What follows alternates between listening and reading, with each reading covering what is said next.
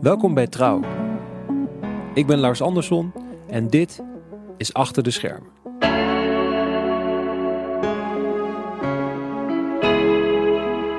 Vandaag praat ik met Marco Visser. Visser is redacteur gezondheid en zorg voor Trouw. Hij zit bovenop de ontwikkelingen rond het coronavirus. Al weken teistert dit virus ons land en ons gezondheidssysteem. Maar hoe gaat het eigenlijk op dit moment? Wat hoort hij achter de schermen van de virologen en van andere deskundigen?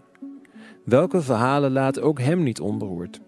Plus ook, is hij nu ineens een soort oorlogscorrespondent, omdat de frontlinie van het nieuws zich onder ons bevindt? Ik ga met hem in gesprek en ik bel hem, uiteraard, thuis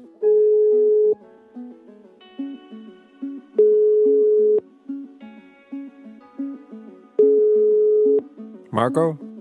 Hallo Lars, kan je me goed horen? Ik kan jou goed horen. Ik ga eventjes uh, het geluid ietsje zachter zetten. Kun je eens gewoon wat dingen zeggen tegen mij? Uh, ja, dat, uh, dat kan ik zeker. Fijn dat we zo even kunnen praten. Ik ben heel benieuwd waar je, waar je naartoe wil. Ehm, ik heb wat artikelen gezocht met wat persoonlijke verhalen. En nou ja, goed, aan de hand van die persoonlijke verhalen hoop ik een beetje te vertellen over, uh, hoe, dat, uh, ja, ja, over hoe wij werken en hoe, de, ja, hoe die crisis ook verloopt, waar de, waar de pijnpunten zitten ook op dit moment. Nou Marco, je hebt natuurlijk al heel mooi verwoord waar we het over gaan hebben. Even een stapje terug. Jij bent journalist zorg en gezondheid voor, uh, voor Trouw. Mm -hmm. even kijken, jij ja, moet ik dat nou zeggen? J jij bent de man die rond het thema zorg eigenlijk alles schrijft over de coronacrisis. Uh, je volgt alles, je schrijft dagelijks een verhaal vertrouw. Um, en ik vroeg me eigenlijk gewoon nu vooral af, uh, hoe is jouw werk veranderd sinds de week dat we in een intelligente lockdown gingen? Um, en misschien wel met een kleine knipoog, uh, voel jij je ineens oorlogscorrespondent in eigen land? Ja, nou, ik doe het natuurlijk niet alleen. Dus het, eigenlijk, uh, het, het, is een vrij grote groep ondertussen uh, van redacteuren die over corona schrijven. Want uh, het raakt ook natuurlijk het onderwijs, het raakt verkeer, het raakt, ja, het raakt eigenlijk elk onderdeel van de samenleving. Ja. Um, ja, en hoe ver het mijn werk heeft veranderd. Nou ja, kijk, normaal gesproken heb je vragen en dan bel je iemand en dan komen er antwoorden. En uh, dat is met de coronacrisis natuurlijk wel een beetje veranderd, omdat er wel heel veel vragen zijn, maar geen antwoorden. Dus je kunt, kunt iemand bellen en dan, uh, nou ja, of het een arts is, of een hoogleraar, of uh, een verpleegkundige. Maar ja, vaak weten zij ook geen antwoord op de vragen. Dus dan krijg je wel meningen, of ze kunnen nou ja, vertellen over hun ervaringen. Maar echte antwoorden, op vragen als hoe lang gaat het duren bijvoorbeeld, uh, hoe lossen we het op, ja, die zijn er niet. En in zoverre is het werk wel uh, iets, iets anders geworden, ja. Vind je dat vervelend? Is dat, is dat iets wat je, wat je frustreert? Uh, nee, ik vind het niet echt vervelend. Het is, nou ja, het is, het is een iets andere manier van werken. Je, ja, je, goed, je hebt een vraag en je cirkelt daar een beetje omheen en je kijkt wat voor meningen er leven dat probeer je zo goed mogelijk op te schrijven. Je probeert de feiten in te brengen. En ja, uiteindelijk, nee, vervelend vind ik het niet. Ja, ik vind het lastig om dat te verwoorden hoor. Ja, kun je het eens proberen? Want hier zit natuurlijk wel een, een soort van grote tegenstrijdigheid. Um, als journalist zijn, probeer je eh, echt achter, achter eh, elk haakje te komen. Elke brokje informatie probeer in, in, een soort van feit eh, te presenteren. Uh, daarin enige neutraliteit te hebben. En, en, toch zijn we heel erg afhankelijk van de meningen van, van mensen. Nou, dat er heel veel meningen uh, zijn, dat uh, is op een gegeven moment wel storend. Want hè, de, de, meningen verschillen ook van viroloog tot viroloog. En epidemiologen hebben ook weer hun eigen mening. En microbiologen hebben dat ook weer. Um, dus ja, daar moet je wel een beetje mee oppassen, omdat je de lezer daar enorm mee kunt verwarren. Hè? Sommigen zijn wat meer alarmistischer dan de ander. Um, de ene epidemioloog die zegt van, nou ja, misschien dat eind van het jaar dat het wel voorbij kan zijn. En de ander die spreekt over 2022. Interessant, maar als lezer denk ik dat het niet heel fijn is om al die verwarrende informatie tot je te nemen. Dus je moet wel proberen om daar wat duidelijkheid in te scheppen. En misschien moet je dan soms maar ook maar gewoon voor kiezen om dat soort, nou ja, soms dat, dat soort meningen of dat soort cijfers niet te noemen. Als dat de helderheid van het artikel ten goede komt. Ja, precies. Met, uh, scherp selecteren, zeg maar.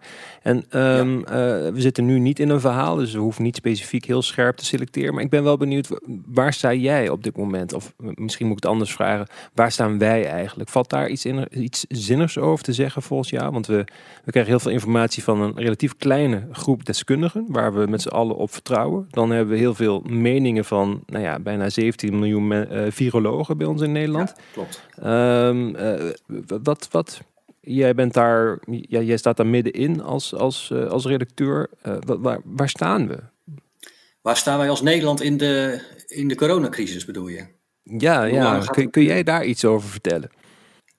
Nou, wat ik, uh, ik ga niet ook eens een keer nog een keer mijn mening eroverheen gooien. Ik kan wel uh, vertellen wat de meeste virologen of epidemiologen uh, zeggen. Die zeggen allemaal dat duurt lang. Dan wil je natuurlijk weten hoe lang. Nou ja, ja. sowieso, kijk, dit jaar moet je niet rekenen op, op grote evenementen. Er zijn heel weinig virologen die ik hoor zeggen van nou, een popconcert dit jaar, dat, uh, dat zie ik nog wel gebeuren. Dat uh, behoort nou eenmaal niet tot uh, de belangrijkste levensbehoeften.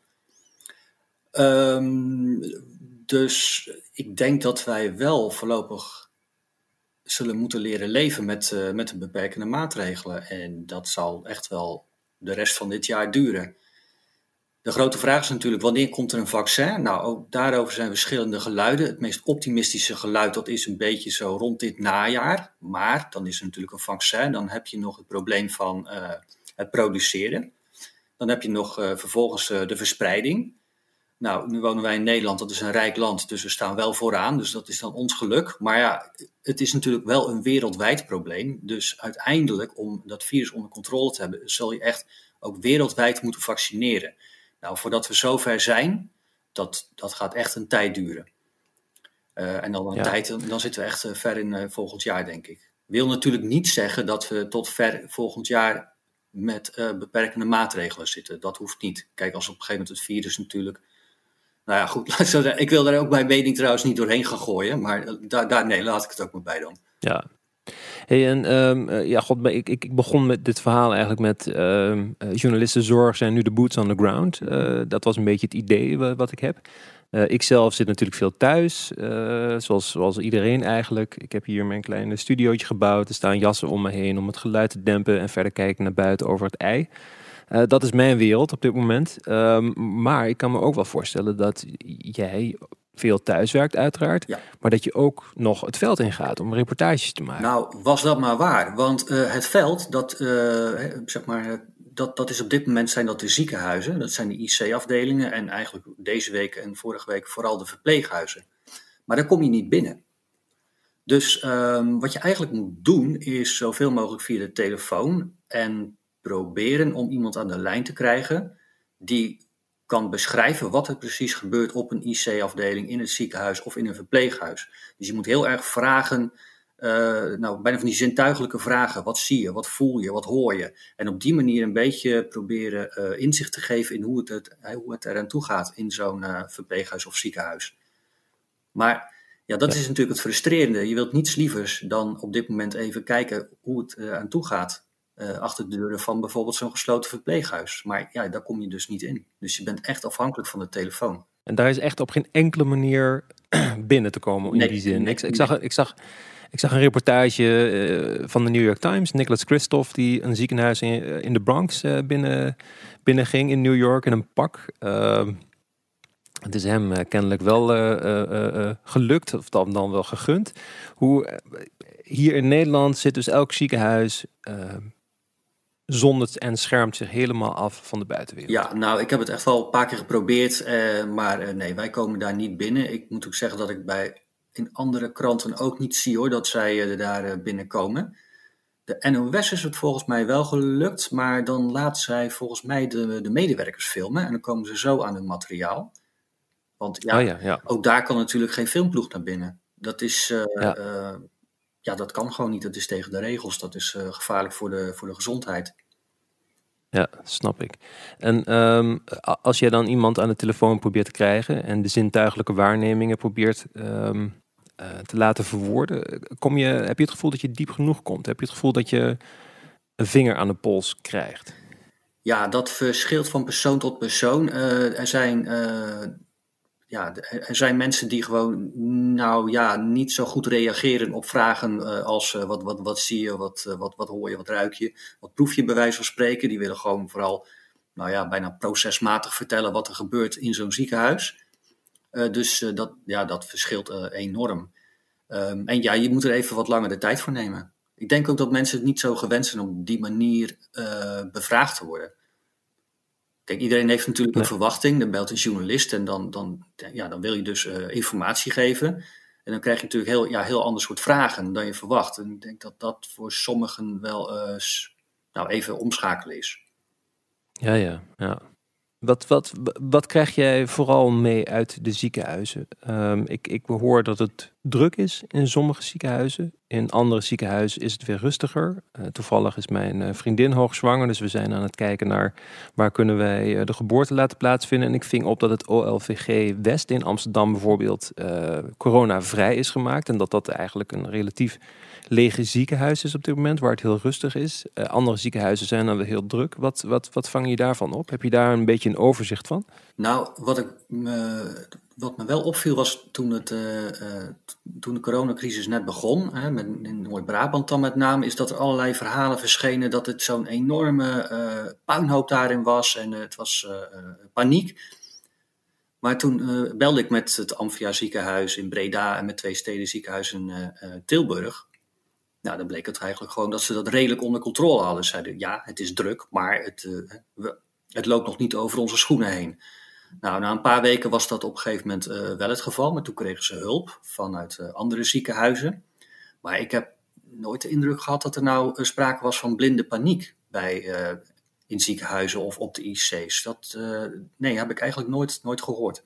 Dat hebben wij hier dus in die zin, maar misschien dat het in Brabant wat drukker was, maar eh, niet echt, niet echt top. Ja, wel druk, maar niet dat het uh, eroverheen liep. De, de, de, angst waar we, die, waar we vooral voor hadden. Hè? Nee, kijk. Dus het hele concept van, uh, van flatten the curve, dat, dat lijkt succes te hebben. Ja, volgens mij wel. Wat ik in ieder geval meekreeg vanuit de ziekenhuizen was dat het inderdaad redelijk is gelukt. Kijk, het was natuurlijk wat topdrukte. Hè? Het, het was absoluut, ja, dit, dit hebben ze ook nooit eerder meegemaakt. Maar ik had wel de indruk, althans wat ik meekreeg, dat, uh, nou ja, niet, niet dat de patiënten nou in de hal lagen, zoals bijvoorbeeld in Italië het geval was. Dat soort toestanden hebben we hier uh, niet gehad. Hey, en ik, heb, uh, ik, ik zat even naar jouw verhalen te kijken. Um, als ik ze allemaal op rij zet, dan, dan ben jij sinds denk 29 februari met niets anders bezig geweest dan verhalen rond het coronavirus. Ja, klopt. Um, de 29 ging jouw verhaal over uh, uh, dat het helemaal niet zo verkeerd is om een beetje bang te zijn voor een virus.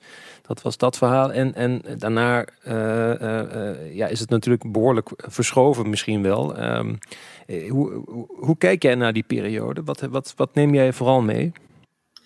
Nou, wat ik vooral meeneem is dat ik er vreselijk naast zat. Omdat ik aanvankelijk dacht, toen dat virus ontstond in, in China dacht ik, nou ja, dat valt wel mee. Hè. Maar toen was ook nog het verhaal dat het nauwelijks overdraagbaar was van mens tot mens. En ja, als dat niet het geval is, dan is er op zich natuurlijk ook niet zoveel aan de hand. Dus ik weet nog wel dat ik tijdens de redactievergaderingen ook heb verkondigd van, ach jongens, maak je niet zo druk. Terwijl de chef Dag uh, zich daar toen uh, wel degelijk druk over maakte. Ja. En uh, ze had volkomen gelijk en ik zat er helemaal naast. Dus ja, het, het, uiteindelijk bleek het natuurlijk veel, veel erger dan, dan ik ooit kon vermoeden. Um, dus ja, ik, ik, ik, weet nog wel dat verhaal dat ik toen maakte inderdaad over, was, ging nog volgens mij een beetje over massahysterie, geloof ik, dat verhaal. Ja, ja, dat. Ja, uh, dat maakte ik ook met in mijn achterhoofd van, nou ja, we maken ons eigenlijk wel druk over een, een, virus dat potentieel gevaarlijk kan zijn, maar dat krijgen we wel onder controle. Um, nou ja, goed, dat, uh, Kijk, als ik dat verhaal nu achteraf zou lezen, denk ik toch dat ik het dat wel iets, iets anders had opgeschreven. Maar ik ja. denk dat het ook geldt voor de personen die ik toen heb gesproken, dat die ook wel iets anders zouden reageren. Ja, dat kan ik me voorstellen. Zeg maar, je, ik bedoel, je bent natuurlijk niet de enige. Er zijn heel veel mensen die um, China wel hebben gelezen, maar nooit echt de, de, de link hebben gelegd van, nou, dit, dit kan binnen uh, een sneltreinvaart naar ons toekomen. Um, Is daar, is daar een, een, verklaring eigenlijk voor? Heb je daar wel eens naar gezocht, naar gevraagd? Want hoe, hoe kan het dat wij dat, dat wij... Want ik heb die verhalen ook gelezen in, uh, in China. Uh, Leen Vervaken, correspondent van de Volkskrant, die hele verhalen schreef, die in quarantaine was gegaan. En het was allemaal ver weg, want het was in, in Wuhan, een miljoenenstad, notabene, die niemand kent eigenlijk. Hoe kan het nou dat wij daar niet de, de klik maken van... Oh, wacht eens eventjes. Um, volgens mij moeten we even opletten met z'n allen. Ja, het is toch gewoon omdat het eigenlijk nooit gebeurd is. Althans niet in ons leven. En, um, maar het heeft ook wel een beetje te maken, denk ik, met de, de informatie die toen aanwezig was. Um, en, en, wat, net wat ik al vertelde, dat, uh, de, uh, nou ja, dat het dus, dus toch niet zo besmettelijk was, niet overdraagbaar, van, uh, niet zo snel overdraagbaar. Het zou niet overleven buiten het lichaam. Ja, als je dat soort informatie hebt en dan wordt het toch wel heel moeilijk voor een virus om zich heel snel over de wereld te verspreiden. Ja. Ik weet niet of het anders was geweest als, je, hè, als wij in februari al hadden geweten dat het dus wel degelijk heel erg besmettelijk is. Of ik dan anders had gereageerd. Ik denk het overigens niet, want dit was. Dit is werkelijk niet. Dit kon ik me gewoon niet voorstellen. Anderhalve maand geleden. Dat dit zou gebeuren. Nee. Omdat het ook... gewoon nooit eerder was gebeurd. Hetzelfde is dat je je niet kunt voorstellen dat er nog, nog ooit oorlog uitbreekt. Ja, dat valt ook niet uit te sluiten natuurlijk. Maar ja, ja daar vergelijk ik het dan een beetje mee. Ja, ja. ja plus ook dat ehm, de maatregelen die we hebben genomen, die gaan we waarschijnlijk nooit nemen op het moment dat de urgentie nog niet zo hoog is. Omdat de maatregelen zo destructief zijn, bijvoorbeeld voor onze economie, uh, dat we dat pas doen op het moment dat het water ons aan de lippen staat, lijkt mij. Ja, ja dat, uh, dat, dat lijkt mij ook. Je, uh, dat is een beetje natuurlijk hetzelfde als met de voorraden. Wordt natuurlijk dus heel veel kritiek dat we zo weinig voorraden hebben. Maar ja, voorraad aanleggen kost geld. En uiteindelijk is die voorraad ook weer waardeloos. Dan moet je daar weer op afschrijven. En ja, hoe groot is de kans dat zoiets gebeurt? Nou ja, kijk, als je bepaalde rapporten leest, er zijn natuurlijk mensen die hiervoor gewaarschuwd hebben, dan blijkt die kans natuurlijk wel degelijk aanwezig. Staat ook in de Nationale Veiligheidsmonitor, geloof ik, dat de, de kans op een pandemie wel degelijk uh, reëel is. Um, maar ik snap wel de reflex dat je niet enorme voorraden aan wilt houden. Wat eigenlijk toch een vorm van dood geld is, als je zelf al niet zo heel veel geld hebt. Ja, Hey, en, en, neem me nog eens terug gewoon mee naar jouw werk. Hoe, hoe, maak jij nu je verhalen? Neem eens mee naar een dag van, van Marco Visser. Hoe kom jij tot jouw verhalen, tot de ideeën, tot wat, waar, waar begin je? Nou, ik begin eigenlijk meestal met uh, de, de nieuwsites door te nemen. Dan kijk ik uh, al heel snel uh, op Twitter, want dat is toch wel een hele belangrijke nieuwsbron geworden. Dat had ik een beetje afgeschreven, maar ik volg nu veel virologen, epidemiologen en microbiologen. En daar haal ik toch best wel veel nuttige informatie uit. Nieuwe ontwikkelingen, nieuwe rapporten. Um, nou, op die manier ga ik dan uh, verder zoeken. Probeer ik te kijken of er al eerder is uh, geschreven over bijvoorbeeld een nieuw onderzoek. En op die manier um, nou, kies ik dan een onderwerp. Maar heel vaak zijn het natuurlijk ook ontwikkelingen die spelen in Nederland, net zoals afgelopen week de verpleeghuizen, ja, dat, eh, dat, dat, dat hoor je en dat lees je. En je krijgt zelf natuurlijk die signalen ook binnen. Vertel nog even wat, wat, het, uh, wat het probleem is bij de, bij de verpleeghuizen. De verpleeghuizen, nou ja, daar is op dit moment uh, sprake van uh, veel sterfte, veel mensen die ziek zijn. Ik zeg op dit moment, we weten eigenlijk niet hoe lang dat nu al speelt. Ik heb zelf de indruk dat dat, dat, dat de laatste weken steeds meer is, maar goed, dat, dat weet ik nog niet. Um, en een ander probleem is natuurlijk in de verpleeghuizen dat zij hun uh, familie niet meer mogen zien. Hè, de bewoners. Uh, er is een bezoekverbod en dat is, ja, dat is ronduit tragisch natuurlijk voor mensen en familie. Dus dat, ja, dat is een beetje het probleem in de, in de verpleeghuizen momenteel. Ja. En ja, dat is wel een beetje, denk ik, het onderwerp waar ik me nu het meest op richt. En is er een oorzaak voor, um, ik kan hem een klein beetje invullen, maar waarom, daar, waarom de sterfte in verpleeghuizen juist nu hoog is? Of weten we niet dat die drie weken geleden ook hoog was? Op basis nee, dat... van coronacijfers?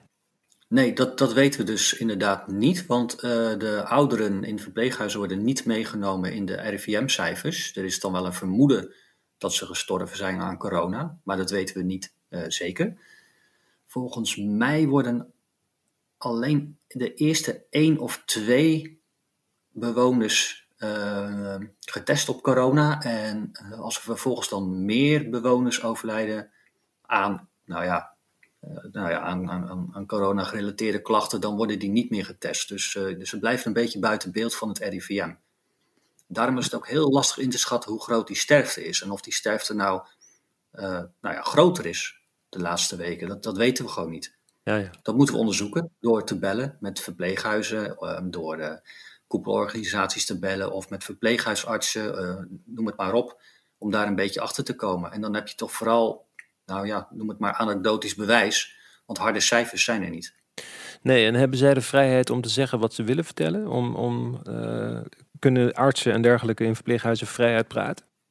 Nou, ik heb zelf de indruk dat de verpleeghuiswereld een vrij gesloten wereld is. Je krijgt er niet heel erg makkelijk informatie uit. Nee, dat, uh, dat valt ontzettend tegen. Dat is overigens ook altijd al zo geweest en dat is in deze crisis uh, niet anders. En je zei dat je via Twitter veel uh, virologen en dergelijke volgt. Um, zijn die mensen makkelijk be benaderbaar op dit moment? Nou, het in het begin waren zij eigenlijk heel uh, moeilijk benaderbaar, omdat ze werden oversteld met uh, aanvragen vanuit de media. Toen waren het er ook nog maar een paar die echt uh, de volle laag kregen van, van alle journalisten. ik heb ondertussen het idee dat het ietsje makkelijker gaat, omdat de virologen natuurlijk niet meer alleen zijn. Ook de epidemiologen en microbiologen en andere experts die die worden ondertussen ook gebeld. En de focus is ook een beetje van het virus af. De verhalen zijn nu vaak wat afgeleid. Hè. Het, gaat bijvoorbeeld over wat gebeurt er in de Kamer, wat gebeurt er inderdaad uh, uh, in de maatschappij. Dus het gaat niet alleen meer over dat virus. Dus ja, die zijn op dit moment wel redelijk goed uh, te bereiken. En heb jij het gevoel dat de piek uh, rondom uh, de nieuwsvoorziening van het virus, dat, die, dat, die, dat de piek zeg maar geweest is en dat, dat er dat er iets minder vraag uh, naar nieuws komt rondom, het, rondom corona? Ja, ik denk dat dat op dit moment wel gaande is. Want we proberen ook als redactie wel aandacht te krijgen ook voor het andere nieuws. Je kunt niet natuurlijk het hele jaar alleen nog maar coronakranten maken. Dus dat, maar dat zie je ook wel gebeuren dat er, uh, het ging eigenlijk, we begonnen met alleen maar berichtgeving over het virus. We, gingen op een gegeven moment wat meer naar de maatschappelijke gevolgen. En nou ja, je ziet nu al een beetje een, een, een, terugkeer weer naar de, naar de normale berichtgeving, die ook wat, uh, wat belangrijker wordt. Dus niet elke voorpagina gaat meer over, uh, over de coronacrisis. Ja, hey, en toch nog even bij de crisis blijven. Hoe raakt deze crisis jou? Hoe, hoe betrokken ben jij bij de mensen die deel uitmaken van jouw verhalen? Uh, nou, ik voel mij vrij betrokken bij bewoners van uh, verpleeghuizen en hun familie. Ik, ik zit zelf niet in zo'n situatie, maar ik vind dat zo onmenselijk eigenlijk dat je, als, uh, stel je voor dat mijn ouders in een verpleeghuis zouden zitten, waar op dit moment heel veel mensen sterven, en ik zou daar niet bij mogen. Ja. Ah, dat vind ik, vind ik gewoon ondenkbaar dat, dat, daar kan ik echt niet bij. Ik bedoel, ik snap ook niet dat er geen alternatieven zijn uh, om, uh, voor, voor dat bezoekverbod. Ja. Want uiteindelijk zit je in zo'n verpleeghuis natuurlijk, nou gemiddeld geloof ik, 7, 8 maanden. Dus het gaat niet zozeer over de, over de lengte van leven, het gaat echt heel erg over de kwaliteit van leven. En uh, ja, dat is op dit moment natuurlijk geen kwaliteit van leven. Als ik ook iemand spreek, een verpleegkundige bijvoorbeeld in een verpleeghuis of een, of een arts, dan krijg je dat ook terug. Ja, mensen zijn gewoon, die zijn ook somber en, uh, en, en, teruggetrokken en uh, sommigen hebben er ook geen zin meer in. Nee, ja, dat, dat, begrijp ik. En dat is natuurlijk de kant van de bewoners, maar de kant van de familieleden, ja, dat, dat, daar kan ik me ook bijna geen voorstelling van maken. Ik bedoel, als je niet eh, naar, of, of naar, naar je vader, je moeder of naar je partner kan die in een verpleeghuis zitten. En het zijn trouwens niet natuurlijk alleen de ouderen. Er zitten ook verstandelijk gehandicapten in instellingen. Daar, daar geldt het natuurlijk net zo goed voor. Ik hm. vind dat afsluiten, dat opsluiten eigenlijk in instellingen, dat vind ik wel het meest schrijnende van deze, van deze crisis. Ja, maar het is niet echt dat ze daar een alternatief hebben. Nou, weet ik niet. Je zou best uh, volgens mij maatwerk kunnen bieden.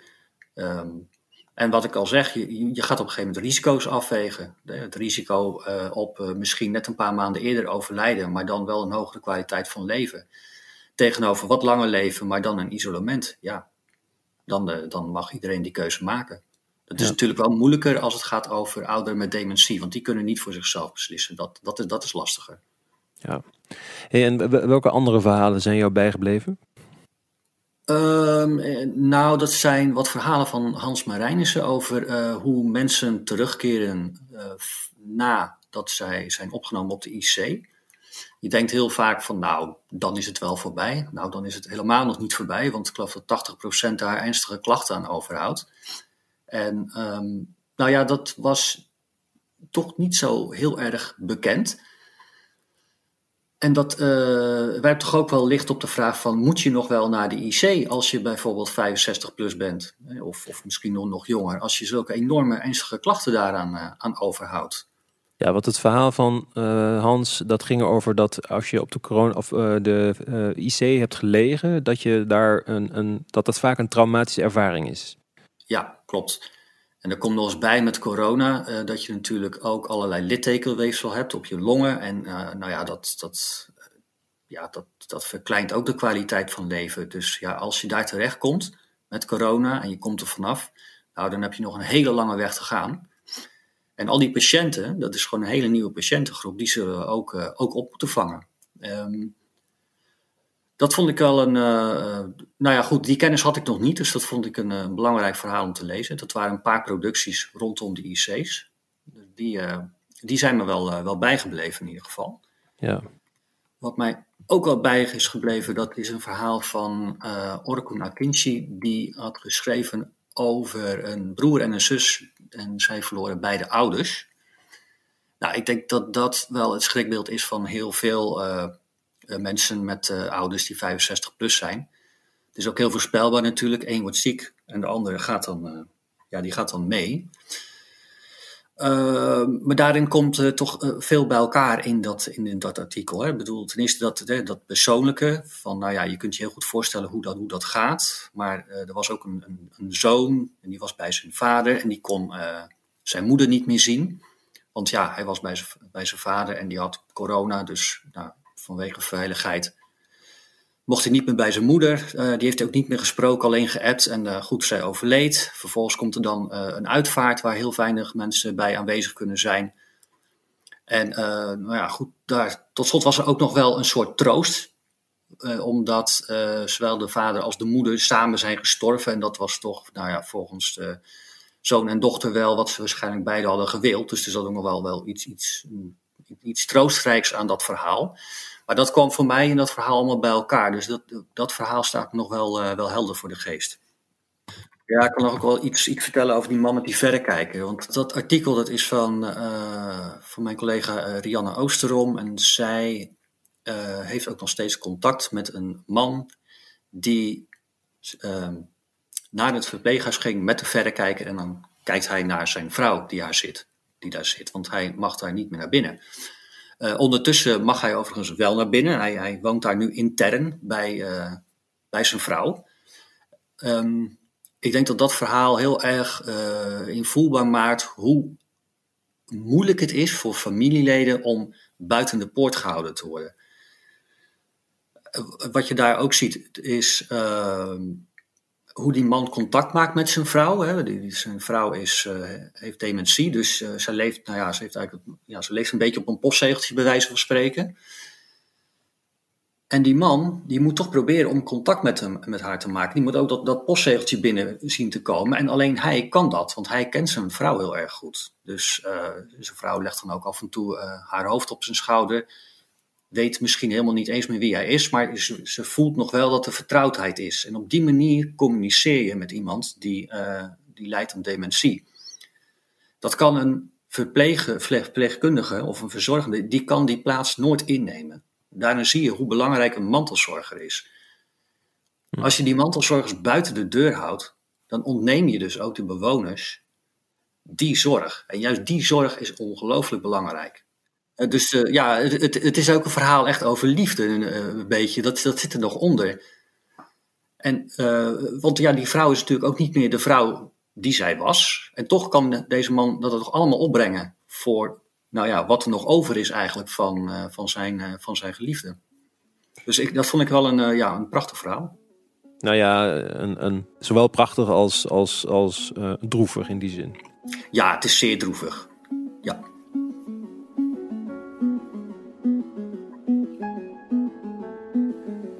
Dit was Achter de Schermen bij Trouw, waarin we dieper kijken achter de verhalen van de dag. Ik ben Lars Andersson, de muziek is van Yadu Neo. Blijf onze verhalen lezen op trouw.nl en in de krant natuurlijk. Wil je nog meer podcasts van Trouw luisteren? Kijk dan op trouw.nl/podcast.